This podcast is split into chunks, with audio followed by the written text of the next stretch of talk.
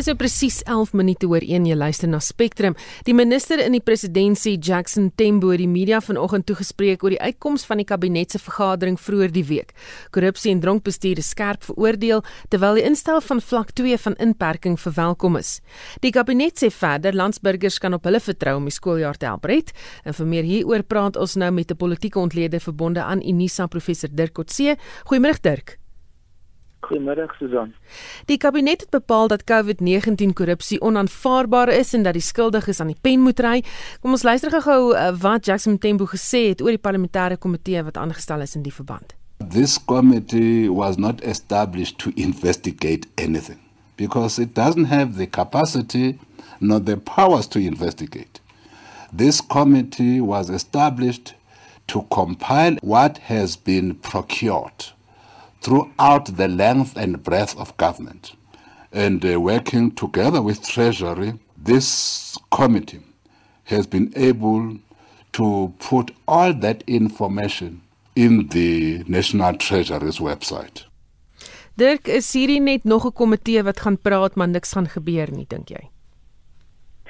Nou, ons gaan vanmiddag hoor as president Ramaphosa antwoord en dis die derde vraag wat eh uh, Erwada Meswe van die ICDP aan hom gaan stel is presies hoekom hierdie komitee gevorm is um, en hoekom dit gedoen is ten spyte daarvan dat die spesiale ondersoekeenheid uh, reeds bestaan um, en naasien by dieselfde kan doen. Daar's daar's heel wat uh, besorgdheid oor of daar nie 'n duplisering besig is om plaas te vind um, in regeringsinstellings uh, by die as dit kom by die ondersoek na korrupsie of pandemie verwante probleme en en dit is dis definitief een daarvan. So wie op regeringsvlak en buite in die regering moet die oortreders dan vasvat? Nee, die wel dit is baie duidelik dat die strafregtelike in, instellings en dit beteken vanaf die polisie en die valke, daar word nou gepraat van 'n moontlikheid van 'n iets soortgelyks aan 'n skerpioene wat moet terugkom. Ehm um, wat dan die die ondersoeke moet doen en 'n spesiale ondersoekeenheid en daar's 'n verskeidenheid van ondersoek eenhede wat of instellings wat dit kan doen self self het kan um, ondersoeke doen en kan selfs mense vervolg. Ehm um, so daar's 'n baie verskeidenheid daarvan. Ehm um, en dit word dan in die meeste gevalle as daar kriminele uh, oortredings bespreek is, dan word dit verwys na die onder uh, na die nasionale vervolgingsgesag wat optree as die staatsanklaers uh, of namens die staat optree om mense aan te kla in in die hof. So dit dis die normale proses en dit verander nie. Ek dink wat wat president Ramaphosa aan gedagte het en wat hy wil doen en die wat hy wil demonstreer aan die publiek um, en dit wat die nasionale uitvoerende komitee in die begin van Augustus op besluit het en hoogs waarskynlik nou met hierdie nasionale konferensie 'n nasionale uitvoerende komitee vergadering van hierdie komende naweek weer wil doen is, is te, om te demonstreer uh, of om inligting te hê en dit vir die publiek ook te stel van wat reeds gedoen is, wat is in die pipeline en wat is die omvang van vervolging wat reeds plaasvind.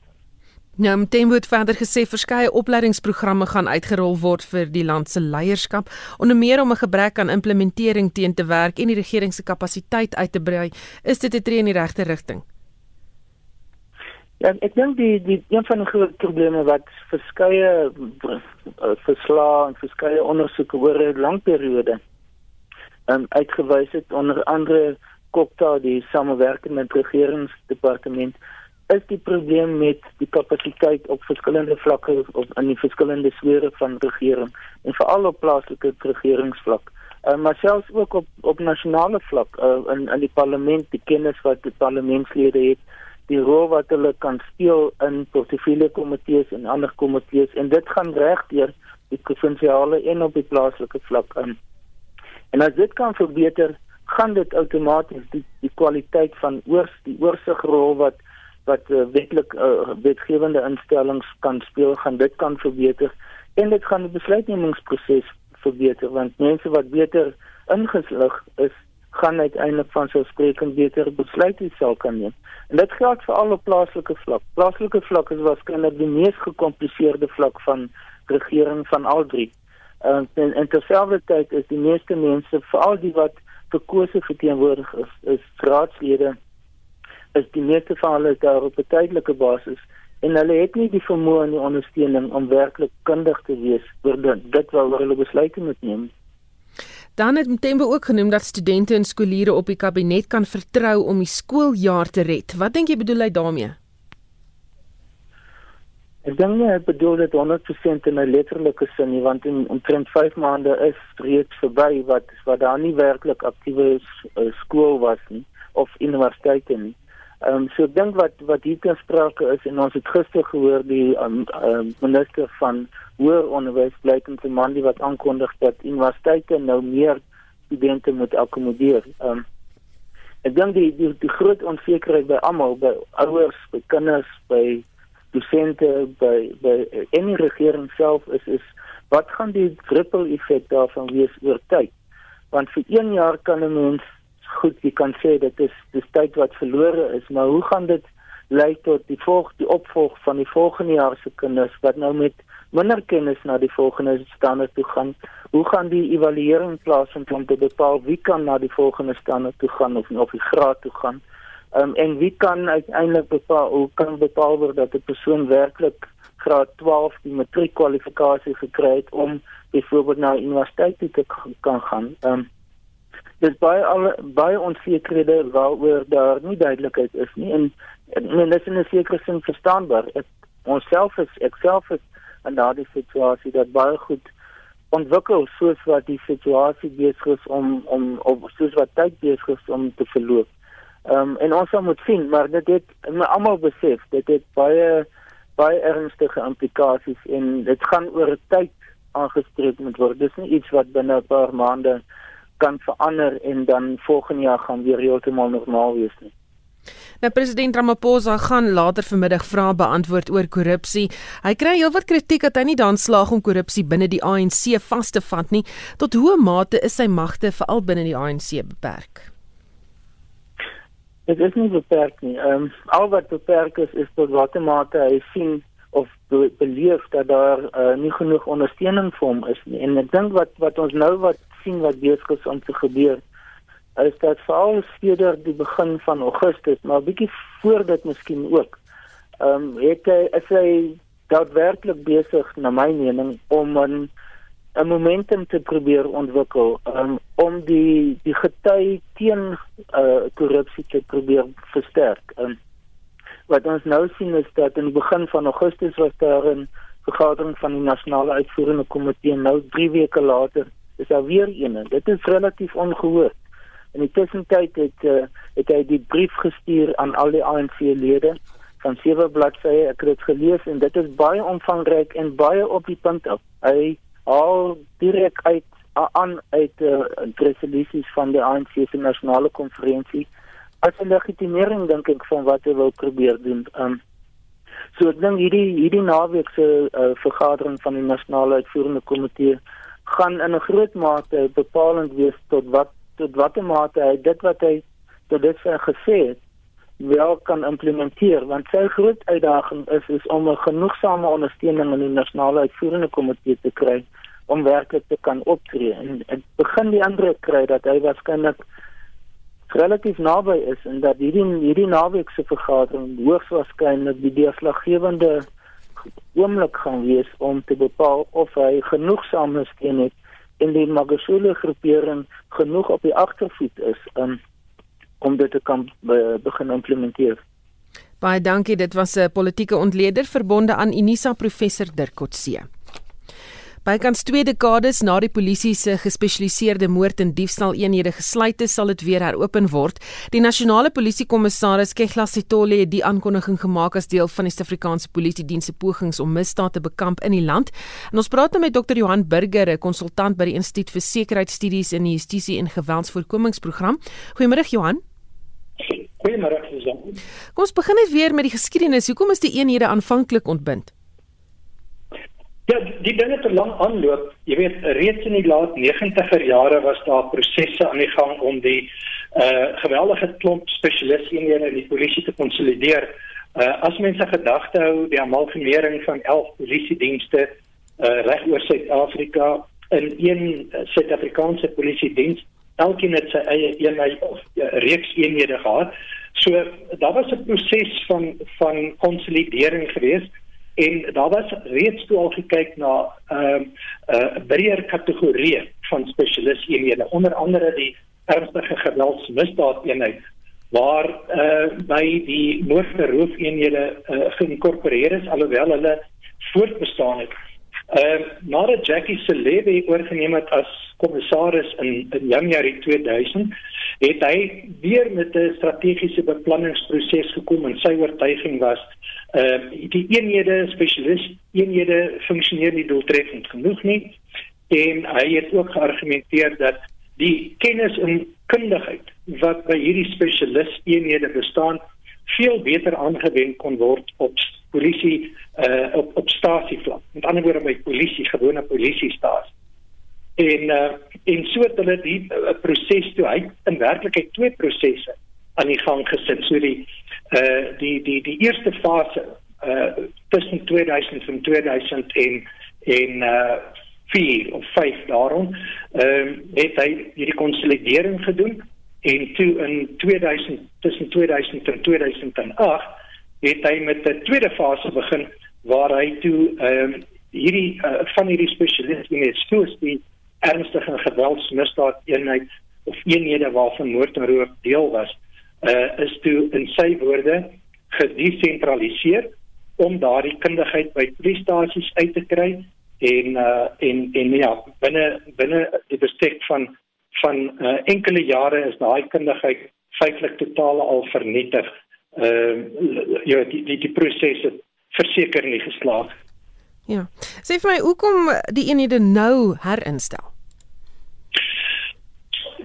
Wel Susan, ek ek dink behalwe dat daar geweldige openbare druk is, uh dat iets gedoen moet word aan die uh moord uh in in roofsyfers wat jaar op jaar al vir 8 jaar in 'n ry uh jaar op jaar styg. Uh ons ons sit met ernstige probleme rondom moord in in in die land. Jy weet ons ons moordsyfer is is uh, 6 keer hoër as die wêreld gemiddeld. En dan sit ons met met 'n uh, gewapende roof of roof met verswaarde omstandighede wat uit sewe subkategorieë uh, bestaan. En en en alles styg uh, uh ook nou al vir 8 jaar en veral die sogenaamde trio misdade van huisroof uh besigheidsroof en motorkapings wat 'n baie baie groter 'n groot probleem uh, vir vir uh gewone mense is in terme van hulle gevoel van veiligheid en en en gevolglik is daar geweldige druk op die polisie, druk op die regering.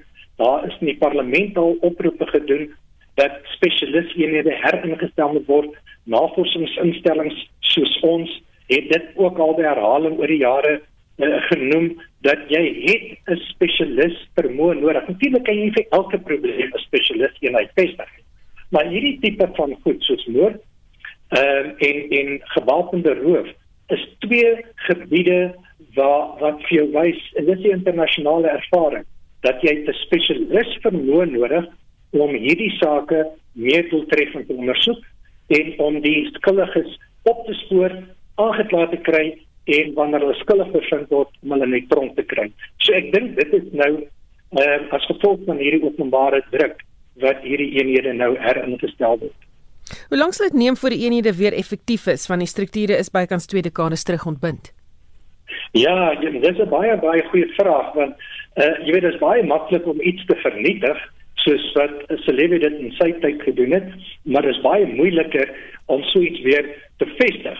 Want jy weet 'n spesialis eenheid ehm um, is is die die struktuur is van so aard dat uh, die nuwe lede wat tot so eenheid toegevoeg word uh, word deur die meer ervare lede binne daardie eenheid geskool, opgelei en bygestaan totdat hulle self op die vlak van spesialiste kan funksioneer. So 'n spesialis eenheid het die vermoë om sy eie spesialiste deurlopend uh uh, uh voor te bring. En en om dit nou te doen, uh jy weet om om daai vermoë terug te kry, gaan bitter bitter moeilik wees want uh, die meeste van daardie ervare moordroof speders is lankal weg, is nie meer in die polisie nie of sal nie baie gretig wees om terug te keer nie. Maar ten minste is die besluit geneem en ek dink hulle sal wyd moet gaan soek vir voormalige motorroofspeders om hulle te probeer kry om die ruggraat van hierdie nuwe eenhede te vorm en hulle sal dan op hulle beurt uh, moet gaan soek vir geskikte jong speders wat uh, opgelei kan word om ook spesialiste in hierdie tipe van ondersoek te wees. Maar ek voorsien dit kan jare vat. Ons het nou gesien met ehm um, met van die eenhede soos uh by die valke, ons het gesien by misdaadintelligensie, ons het dit selfs gesien by uh die nasionale vervolgingsgesag gesag dat die skade wat aangedoen is uh uh uh, uh um, aangebring is as gevolg van die verlies aan uh spesialiste by al hierdie eenhede. Uh vervang jy nie oor nag nie herstel dit nie oor nag nie. So ek voorsien dat dit uh, enkele jare gaan neem voordat hierdie eenhede uh weer oor daardie spesialist vermoë uh beskik wat eie is aan hierdie tipe uh, uh um eenhede internasionaal. Baie dankie, dit was Dr. Johan Burger, 'n konsultant by die Instituut vir Sekuriteitsstudies in die Justisie en Geweldsvoorkomingsprogram. Die Hooggeregshof in Port Elizabeth lewer vandag uitspraak in die DA se dringende aansoek om die Nelson Mandela Bay Speaker, Boyelwa Mafaya, te dwing om 'n raadsvergadering te belê. Die doel hiervan is om 'n burgemeester te verkies en 'n waarnemende stadsbestuurder aan te stel. En ons verslaggewer in die Oos-Kaap, Veronica Fourie, volg die storie. Goeiemôre Veronica. Goeiemôre Susan. So waar presies gaan die saak?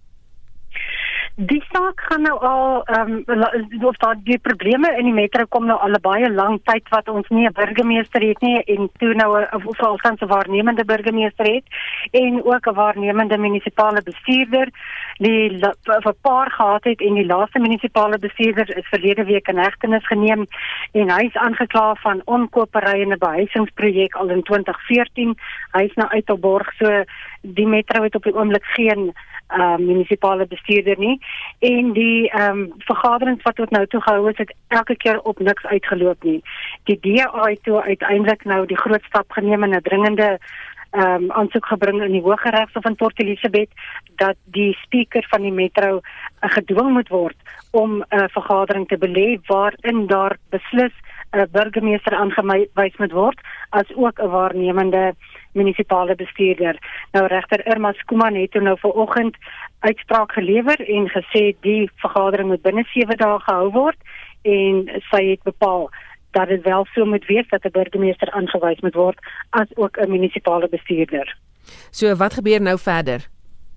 Wel die ehm um, ANC het gesê hulle ehm um, aanvaar die uitspraak, hulle sal nie daarteen appeleer of so nie en hulle respekteer die hele proses en hulle sal nou uh, in gesprek wees met die spreker en ehm um, hulle sal definitief ook deelneem aan die uh, moontlikheid om 'n burgemeester uit die ANC geleedere te kry en hulle kyk die ANC is nie op die oomblik die absolute politieke gesag in die metro nie. Hulle behoort 50 plus 1 te hê en dit het al in die verlede telke male 'n groot rol gespeel in die feit dat hulle die kleiner partye se steun nodig het.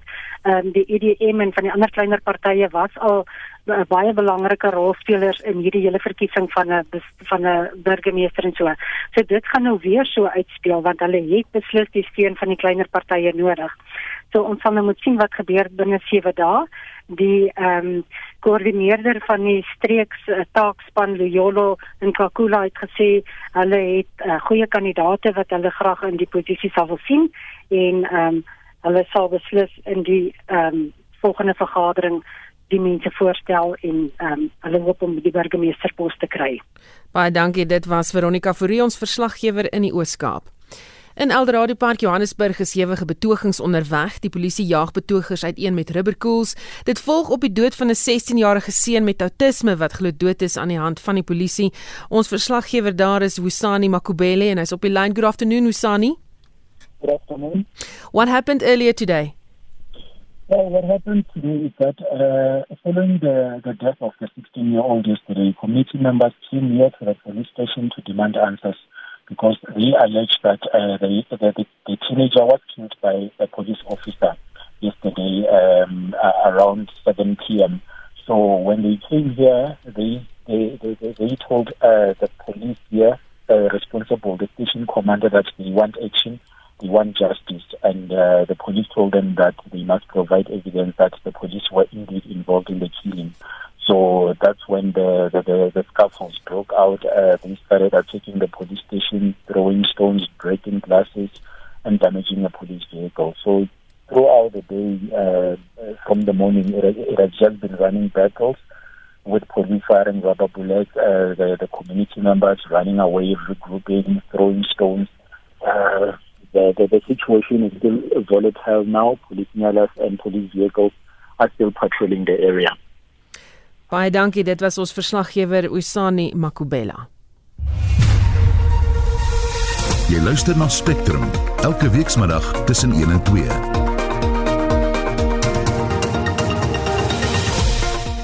In die nuus president Cyril Ramaphosa gaan vanmiddag vra antwoord in die nasionale vergadering. 'n Politieke ontleder, professor Dirk Coetzee sê hy verwag die komende naweek se vergadering van die NEK sal die deurslaggewende oomblik wees om te bepaal of hy genoeg steun het om korrupsie aan te spreek. Die polisie diens gaan sy gespesialiseerde moord en roofeenhede heropen in 'n poging om misdaad te bekamp. 'n Kenner, Dr. Johan Burger sê dit gaan jare wees voor hulle weer oor die spesialis vermoë beskik wat eie is aan die eenhede. En hulde blyke stroom in na die afsterwe van die ruimtewetenskap maatskaplike Dr. Japie van Sail. Ons praat met een van sy jarelange vriende oor sy werk en sy lewe bly ingeskakel. Metrorail in Kaapstad het maandag met 'n beperkte treindiens begin tussen Retreat en die Middestad. Die aantal passasiers per wa is beperk tot 50 en treine doen slegs by 9 stasies aan. Dit sluit in Soutrivier, Heathfield en Woodstock. En vir meer hieroor praat ons nou met Riana Scott, die hoof van bemarking en kommunikasie vir Metrorail in die Wes-Kaap. Goeiemôre Riana. Middag Susan.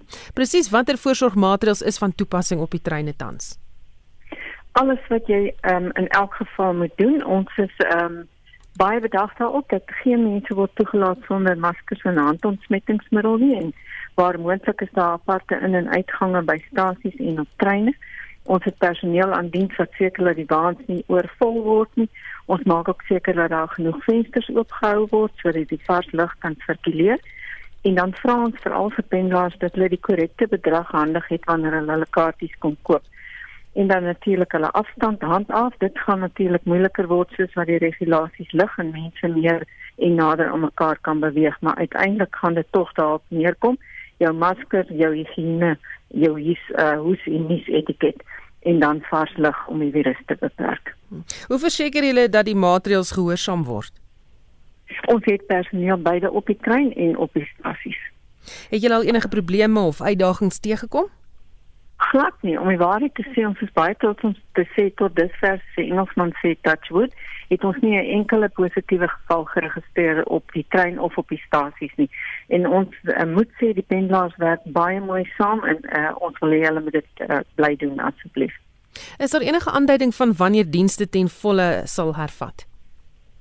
Kyk die dienste, um, daar was 'n mispersepsie dat ons kon bly bedryf tydens uh, vlak 5, maar ons kon nie. Ons moes maar almal wetsgehoorsaam wees en dit was eers van vlak 4 af wat ons ons tegnisi sekere kritiese tegnisi kon uitstuur en dis eers toe wat ons agtergekom het hoe baie vandalisme daar was nie net die gewone metaaldiefstal en vandalisme nie maar soos wat mense werk verloor het en meer desperaat geraak het is daar by stasies en kantore ingebreek wat natuurlik gesluit was uh, tydens daai vlakke so daar's baie herstelwerk om te doen en ook die Kaapse reën wat ons vir 4 jaar nie gehad het nie, het ons hierdie winter gekry. So daar was ook daai skade wat ons moes regmaak. Daar was byvoorbeeld tussen Simonstad en Retreat was daar 'n sinkgat gewees wat ons vandag moes regmaak.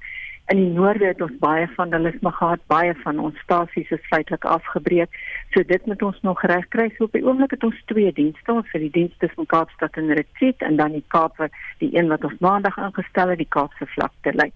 Ons beoog om sê die 7de September vanaf Retreat na Simonstad te kan loop en dan gaan ons konsentreer op die noorde. Ek dink die eerste lyn wat ons kan oopkry is die een wat ons oor Montevista Bellville toe ry. Ehm um, en dit beoog ons om hier so aan die einde van September begin Oktober te doen sodra die infrastrukture is. Die ander ding wat ons onkant gevang het want onthou nog nooit het ons 'n totale treindiens heeltemal laat stil staan nie. COVID het ons heeltemal onkant gevang en wat ons gevind het is dat die elektriese bedrading, die oorhoofse bedrading en ook die spore het natuurlik um, begin roes en daar het uh, stof opgekom met die winterstorm. So ons moet altyd wat ons noem 'n spooktrein instuur. Dis 'n toetstrein wat kyk of die elektriese bedrading nog goed is en of dit gebruik kan word sodat ons nie ehm um, uh, elektriese probleme optel nie. So daar's baie voorbereidingswerk om te doen om 'n veilige diens te verseker. Baie dankie. Dit was die hoof van bemarking en kommunikasie vir Metrorail in die Wes-Kaap, Riana Scott. Die ekonomie het waarskynlik met 40,1% in die tweede kwartaal van die jaar ingekrimp, dis die voorspelling van die Reserwebank. Volgens berigte het die monetêre beleidskomitee ook hulle rentekoersbesluit in Julie op die syfers geskoei. En ons praat nou met die ekonom Ulrich Huber. Goeiemôre Ulrich. Goeiemôre Susan. Hoe het hulle by die syfer uitgekom? Waarna het hulle alles gekyk? Wel, as net maar net dink wat jy nou net gehoor het van die metrorail wat tot stilstand gekom het. Dan het mense natuurlik uh, in die tweede kwartaal 'n situasie gehad waar die uh, groot inperking van April en wat nog voortgeduur het in Mei 'n uh, 'n baie groot impak gehad het op die totale ekonomie. En Ek wil nou ook terselfdertyd sê as mens kyk na die syfers wat Statistiek Suid-Afrika vir ons gee oor byvoorbeeld inflasie uh, en oor kleinhandel verkoop en so aan dan sê hulle baie dikwels maar ons is nog besig om van die syfers te verifieer want dit is nie so maklik nie om dit goed totaal tot stilstand gekom het. As mens nou kyk na die reservebank, ja, jy weet, uh, mens kyk nou na die produksiekant en jy uh, ons weet mynwese het in uh, baie negatiewe syfers gehad. Vir vervaardigingssektor nog meer so uh, selfs jou dienste sektor as jy mens maar net kyk binne in die dienste sektor die toerisme sektor wat so ook totaal toegemaak het uh, dan weet mense dat hier was aan die produksiekant 'n groot aantal uh, sektore van die ekonomie wat baie groot negatiewe syfers uh, vir ons gewys het. As jy mens ook kyk aan die verbruikerskant, dan weet jy dat verbruikers in die eerste plek baie ouens het hulle werk verloor, nie net ouens nie, ook ouene. Uh, as jy mens kyk na die salarisse, baie mense moes 'n salarisvermindering aanvaar net sodat die maatskappy kan oorleef. So, hier was ook aan die aan die bestedingskant was daar groot probleme. Nou weet die mense aan die bestedingskant het die regering vir ons gesê, mm, ons gaan 500 miljard rand ekstra spandeer in die ekonomie. Nou uiteindelik as jy mens kyk na die totale syfer oor daai 500 miljard dan die netto uh bydra was miskien net so oor die 100 miljard rand. Uh dit was eintlik 'n verskuiwing van fondse of byvoorbeeld die 200 miljard rand wat die banke toegelaat word om om aan besighede uit te leen. Ehm um, dit daarvan is maar nog net 'n klein deeltjie benut. So hier is 'n klomp verskillende ehm uh, um, sektore wat gemeet kan word oor die afgelope tyd en aan die ander kant ook die verbruikerskant wat mense of bestedingskant moet ek eerder sê wat vir ons gesê het maar hier was 'n baie groot inkrimping. Nou as ek reg onthou was die aanvanklike waarneming van die Reservebank dat die, die inkrimping so, so 32% was. Nou kom hulle met meer finale syfers wat 40% is. En ek weet nie of dit al die die afvan die omega is van hierdie syfers nie, maar goed. 'n Mens moet aanvaar dat dit uh, op hierdie stadium die beste skatting is wat ons het oor die inkrimping van die ekonomie in die tweede kwartaal. En dan Statistiek Suid-Afrika het ook vanoggend die produsenteprysindeks bekend gemaak. Is daar iets van die statistiek wat uitgestaan het vir jou? Nou, as jy met kyk na die finale vervaardigingssektor, daar het 'n die inflasiekoers die PPI gestyg met 1,9% uh, jaar op jaar teen die 0,5% in Junie. So dit sê vir ons, mm, die ekonomie is weer 'n bietjie aan die gang en as jy net daar kyk, wat was die eintlike bydraers tot hierdie stygings? Die groot bydraers was die voedselsektor wat 3,2% bygedra het en dan ook die vervoersektor wat 8,3% bygedra het. As jy mens nou kyk na die maandelikse syfers wat um, dan was daar ehm uh, veral aan die petroleumkant, ehm chemiese kant uh, was daar groot stygings en wat nou vir my opvallend was is wanneer mens kyk na die maand maand tot maand syfer, dit was gesê wie Julie teenoor Junie dan het petrol en diesel met met meer as 15% gestyg.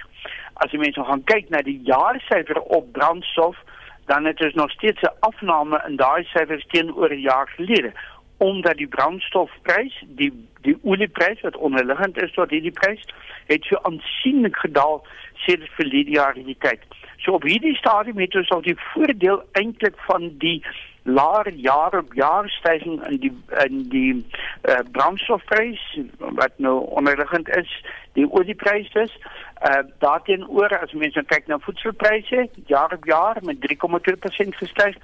Ehm um, en en dan sê mense Ja, hier is wel 'n versnelling weer aan die gang van pryse wat vir ons sê die ekonomie is weer meer aan die gang en daar was natuurlik oral maar bottlenecke wat ontstaan het. So mense het ervaar dat daar prysstygings was van verskillende produkte. Maar oor die algemeen hierdie syfer bly nogal laag op 'n baie lae vlak. In die verlede het ons dikwels gekyk na die produsenteprysindeks as 'n voorloper van die verbruikersprysindeks. Daar verband het in die afgelope tyd ehm um, 'n bietjie vervaag, maar dit is 'n syfer wat tog nog steeds aangewend word, byvoorbeeld in kontrakte vir sekere sektore van die ekonomie en so aan. So mense moet aandag gee daaraan. Uh maar goed, mense kan dan seker ook sê dat uh, hierdie versnelling in die produsentepryse niks kan moontlik vir ons dui dat die uh, verbruikerspryse niks 'n bietjie gaan styg van die 3,2% wat ek reg by onthou van die PPI. Maar as die algemeen bly inflasie goed onder beheer en uh, as mens kyk na hierdie syfer van wat in die ekonomie plaasvind, dan sê dit vir ons sekerlik dat uh, rentekoerse gaan beslis nie styg na die einde van die jaar nie. Die risiko is eerder dat ons miskien selfs nog 'n verdere klein verlaging van rentekoerse sou kon kry. Baie dankie, dit was die ekonom Ulrich Huber. Ons beweeg na die sportveld met Shaun Jooste. Ons begin met tennisnuus. Die organiseerders van die Western and Southern Open in New York het aangekondig dat alle wedstryde tot môre weens verskeie sportboikotte uitgestel is. Die Amerikaanse van Japan het ook net voor die aankondiging besluit om uit die res van die toernooi te onttrek. Elise Mertens van België dring dus deur na die eindstryd. Kriket. Die Protea veelsidige speler Nadine de Klerk is deur die Brisbane Heat vir die 2020 weergawe van Australië se vroue Big Bash League opgerap.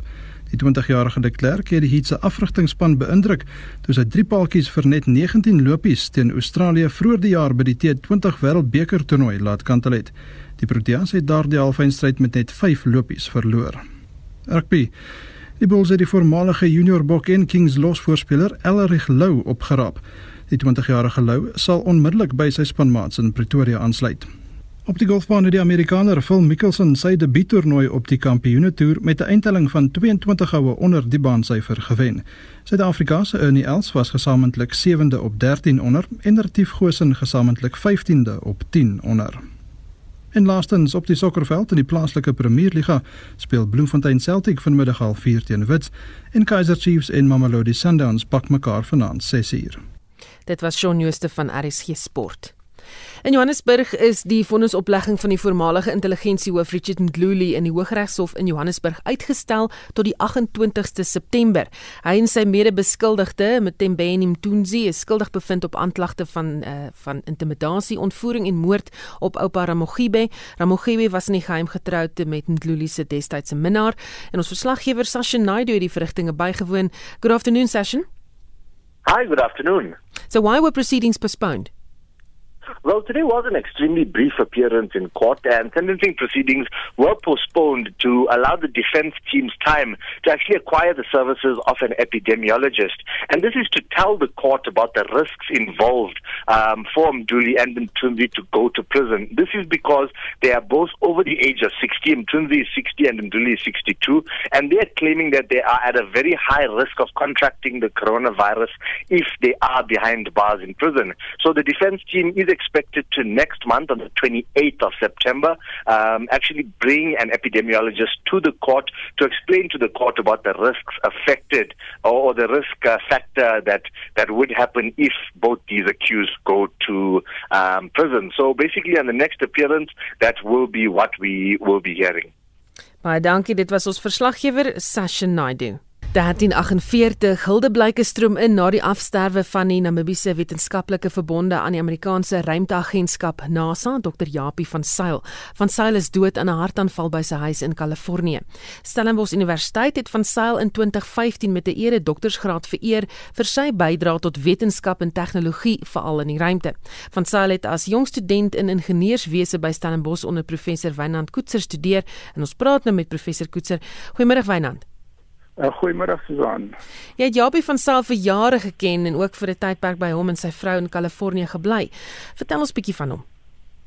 Japie was presies soos hy geklink het oor die radio.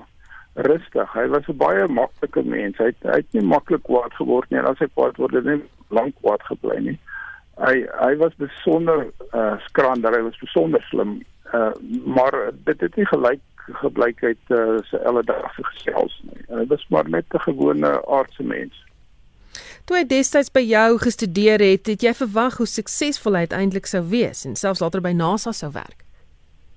Uh, ja, hy was was duidelik baie slim, maar uh, elke jaar is daar uh, studente wat baie slim is. Hy is stel onder die slimstes van die slimstes maar ehm um, hy was nie baie of hy het nie baie gedrewe oorgekom nie. So ek sou nie verwag het hy gaan nou vreeslik ver kom in die lewe nie. Ek gedag hy sal nou 'n steunpilaar wees waar hy ook al land. Maar hy was net so ontsettend goed geweest. So dit was nie vir hom nodig om homself enigsins te druk nie. Wat hy ook al gedoen het, het hy net ongelooflik goed gedoen en en op dië manier het hy sommer so uh, amper maklik so ver gekom as wat hy gekom het sy nalatenskap. Ehm um, Wynand vir watter projekte vir wat as vir hy as mens sal mense hom onthou? Uh, definitief sal hy onthou word vir sy werk in eksplorasie van Mars. Maar ek wil net so 'n bietjie vertel van sy vroeë dae wat mense miskien nie eintlik van weet nie. Hy het sy PhD gedoen en daarmee op 'n manier ontwikkel om die aarde uh, te be, te beskou vanuit die ruimte met satelliete en radar en toe het hulle uitgevind dat daar is oer rivierbeddings onder die Sahara. En dit was so vreemd en hele vakgebied was so net dat mense nie reg glo nie. So dat toe letterlike ekspedisie in die Sahara geneem die sand gaan wegraal en gewys hier is regtig 'n oer rivierbedding. So dis waar dit begin het en dit het bewys dat jy met hierdie aardwaarneming kan satelliet baie goed kon sien wat ons nie kon sien nie. En dit het toe gelei tot wat nou by in, in, in Mars gaan doen het en hy sal onthou word vir Mars. En ek het hom gevra so 'n paar jaar gelede wat is dit wat hy nog graag wil doen en hy het vir my gesê hy sal verskriklik graag Mars toe wil gaan. As daar enigsins 'n kans is sal hy gaan.